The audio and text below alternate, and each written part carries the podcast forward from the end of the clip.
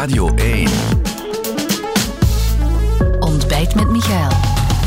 Mijn gast vanmorgen is de voorzitter van Open VLD, Egbert Lachaert. Radio 1. Goedemorgen, meneer Lachaert. Goedemorgen. Een uh, bioscoopcomplex waar de popcorn even moet uh, plaatsmaken voor de geur van uh, koffiekoeken. Um, we gaan het over energie hebben natuurlijk gisteren, dat uh, akkoord federaal. Ja, ik neem aan dat u daar tevreden mee bent. Zeker omdat uh, de ongerustheid bij, bij mensen, bij bedrijven, bij KMO's uh, enorm hoog is. Mm -hmm. als je de prijzen deze zomer van, van gas zag en, en de impact daarvan op elektriciteitsfacturen en gas, je komt tot de meest onmenselijke situaties dat mensen een factuur krijgen die even hoog is als hun inkomen. Ja, daar moest de regering iets aan doen. Ja, en dan die korting, want dat is de manier waarop gewerkt wordt voor gezinnen, waar wel veel vragen over zijn. We horen dat ook in het radionieuws. Ja, voor, voor mensen die wel feitelijk samenwonen, maar uh, afzonderlijke domicilies hebben, kinderen hebben. Ja, het is wel onduidelijk hoeveel zij dan kunnen, uh, of wanneer zij daar recht op hebben. Hm. Natuurlijk pleit een beetje voor geduld. Hè. Dus gisteren zijn maatregelen principieel afgeklopt. Ongetwijfeld zal er binnenkort technisch meer uitleg zijn hoe het gaat. Maar principieel zie je dat je eigenlijk voor iedereen in die middenklasse toch echt een hulp hebt voor een uh, aanzienlijke tussenkomst in de factuur. Die voor deze winter en nu al tot, tot het einde van het jaar vanaf november in de factuur zal komen. Maar nog een beetje geduld. De precieze bedragen en hoe het juist in zijn werk gaat komen ongetwijfeld binnenkort. Ja, want wie geen sociaal tarief heeft, heeft er recht op. Het is te zeggen, wie een hoog inkomen heeft, die zal daarvan een deel, een groot deel, via de uh, aangifte van de belastingen moeten teruggeven. Dat is ook wel complex, want dan geef je iets om dan later weer af te nemen. Maar het is een bewuste keuze geweest om diegenen te helpen die echt in de problemen zitten. Hè. We hebben overheidsgeld, moeten we ook niet gaan rondstrooien naar groepen die het op zich minder nodig hebben. Uh, parlementsleden, ministers, uh, die hebben een loon, die krijgen ook een index. En die index is op zich veel meer Ja. waard in centen dan met iemand mensen. die, eh, die gaat- 3000 het gaat euro verdient. Uw kiezers, die, die, die, het invullen van die fiscale aangifte, die gebeurt uh, over anderhalf jaar. Dat is mei 2024, dat is het moment van de verkiezingen ongeveer. En dan gaat u zeggen, ja, u moet iets teruggeven wat u eigenlijk geen recht op had, wat we dat toch gegeven hebben. Nee, nee. één, u krijgt het hoe dan ook. Dus ook wie een hoger loon heeft, krijgt deze tussenkomst in de energiefactuur voor gas en elektriciteit en, en de premie voor stookolie die er is. Maar bij diegenen die pakweg meer dan, dan, dan 4500, 5000 belastbaar inkomen hebben, en dat zijn toch al de hogere decielen, dat zijn de 20% best verdienende, die zijn ook heel goed beschermd door het indexmechanisme. We krijgen vijf indexen, 10% Ja, moeten dus Die zullen die dat in hun belastingaangifte moeten aangeven en zo een stukje via de belastingen inderdaad moeten recupereren. Maar goed, het is ook een beetje fairness en eerlijkheid. We moeten vooral diegenen helpen die vandaag werken tussen 2000 5000 euro per maand en die gewoon er niet aan uitraken, die hun, hun inkomen moeten afgeven aan een factuur. Ja, dat is wat er federaal is beslist. Dus ook in de Vlaamse regering. Daar hebt u de voorbije weken van gezegd, maak wat haast. Uh, het zal toch eens op de septemberverklaring zijn uh, wanneer dat komt. Wel, ik sta er eerlijk gezegd met wat onbegrip naar te kijken en ook naar de houding van uh, de NVA van, uh, van meneer De Wever, omdat op zich krijgen die evengoed de signalen dat de ondernemingen er willen mee stoppen die gewoon er niet aan uitraken. Kleine zelfstandigen, bakkers, beenhouwers, tot frituren, de industrie, de Antwerpse industrie, die toch denk ik in deze stad Antwerpen enorm van belang is, die in gigantische problemen zit. Je zit met een Vlaamse regering die tussen 500 miljoen en 1 miljard extra aan geld binnenkrijgt door de inflatie. En die zegt, ja, we gaan dat geld bij ons houden. Sorry, dat kan niet. Maar doet u dat niet moment- voldoende in die Vlaamse regering? Want u zit daarin wij natuurlijk. doen hè? dat en uh, ik heb begrepen dat collega Sami Medi dat ook gaat doen met CD&V en dat we dat prominent op tafel leggen om een steunmechanisme te hebben voor zelfstandige bedrijven en de industrie. Wij mogen niet uh, tegenkomen dat ons Vlaams economische weefsel nu naar de knoppen gaat de komende maanden, want we gaan dat nadien in de jaren nadien niet kunnen herstellen. Nee, een argument is natuurlijk wel de betaalbaarheid daarvan. U zegt Vlaams is er die mogelijkheid. Federaal, die begroting is totaal in onevenwicht. Is denk ik alleen uw staatssecretaris Eva de Bleker die daar soms op wijst. Is er eigenlijk nog iemand bezig met dat tekort? Ik denk dat Eva de Blikker daar zeer Ja, maar zeker mee bezig is. En de premier zal ook de komende weken uh, een voorstel doen naar de begroting volgend jaar. Volgens mij wordt die federale begroting ook best samengenomen met de begroting nadien, zodat je een stabiel kader hebt voor, voor de regering uh, de komende twee jaar. Maar Vlaams... Maar, daar, uh, ja, maar federaal, meneer Lachaert, daar gaat een gigantisch tekort zijn, toch? Kijkt daar iemand dat, naar dat eigenlijk? Is, dat is zo en we moeten dus nu naar een besparingsoefening gaan.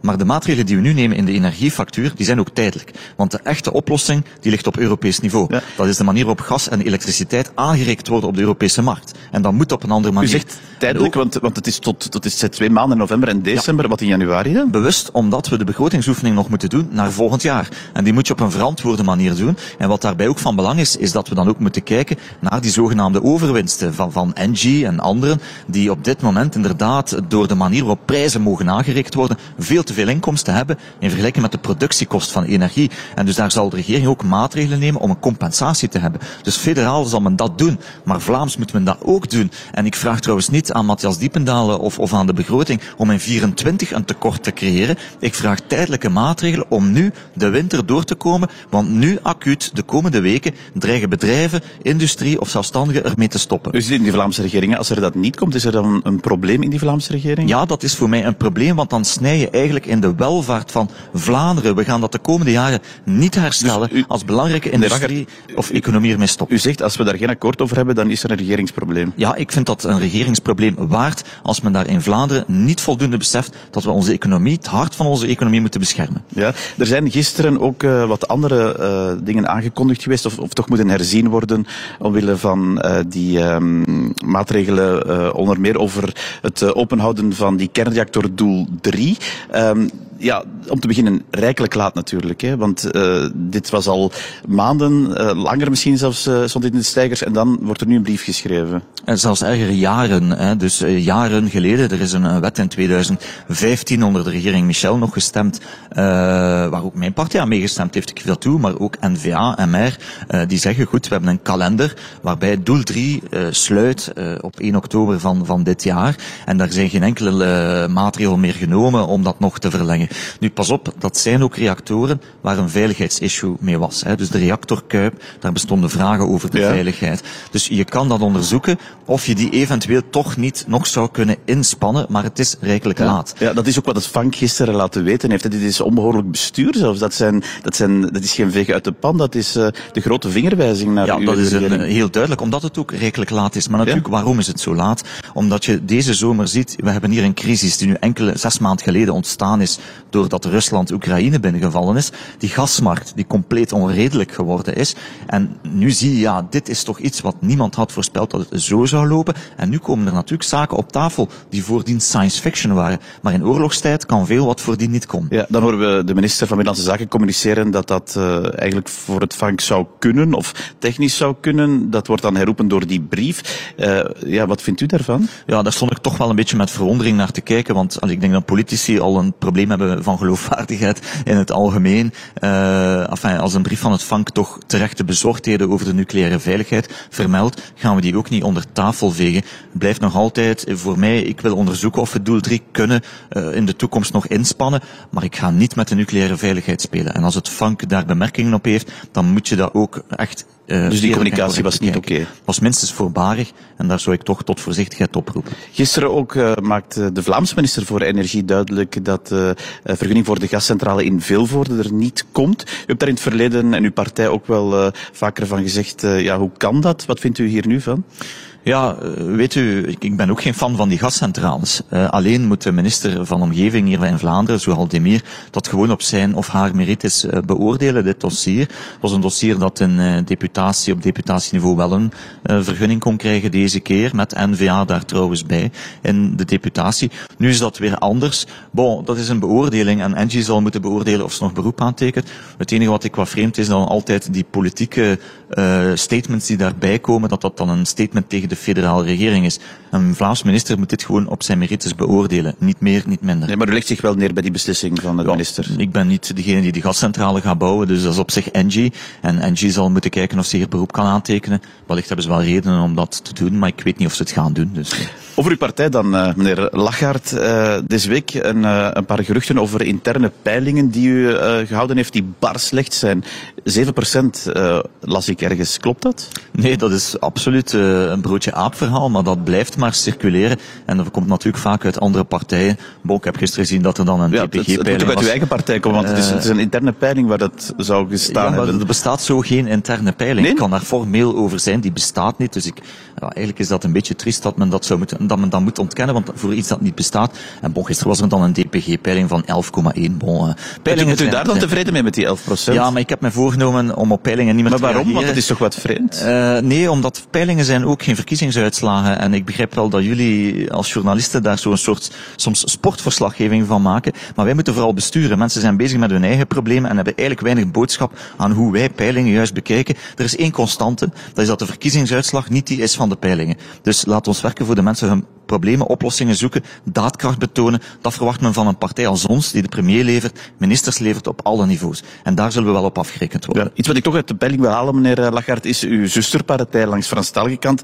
Die doet het wel goed. Hè? Die doet het ook veel beter dan uh, de liberalen in, in, Vlaanderen. Ik begrijp wel dat de relatie tussen u en uh, hun voorzitter, meneer Boucher, dat die niet goed is. U bent vorige week plots niet gaan optreden op een op congres van hen. Wat, wat is daar aan de hand? Well, eerst en vooral, bon, we zijn alle twee 2% gestegen in de peiling tot daar aan toe. Maar voor wat dat waard is. Twee, Georges Louis en ik, persoonlijk zijn wij vrienden. Dat, dat, dat weet hij en hij zegt dat ook en, en, en dat is zo. Dus persoonlijk geen probleem.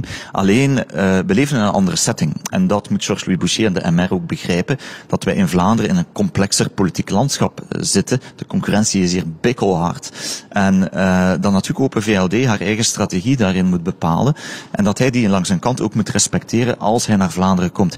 Hij is hier welkom, hij is ook welkom om zijn politieke ja, boodschap u bent, u bent week bewust niet gegaan omdat hij naar de premier had uitgehaald. Is dat juist? Well, ik had een zeer drukke agenda. Ja, weet dat maar, ik een jonge vader ben en af ja, en toe maar u bent wel op zondag. Maar wat was er aan de hand? Uh, inderdaad, allee, er was wel wat ongenoeg bij ons. Ik ga daar niet flauw over doen.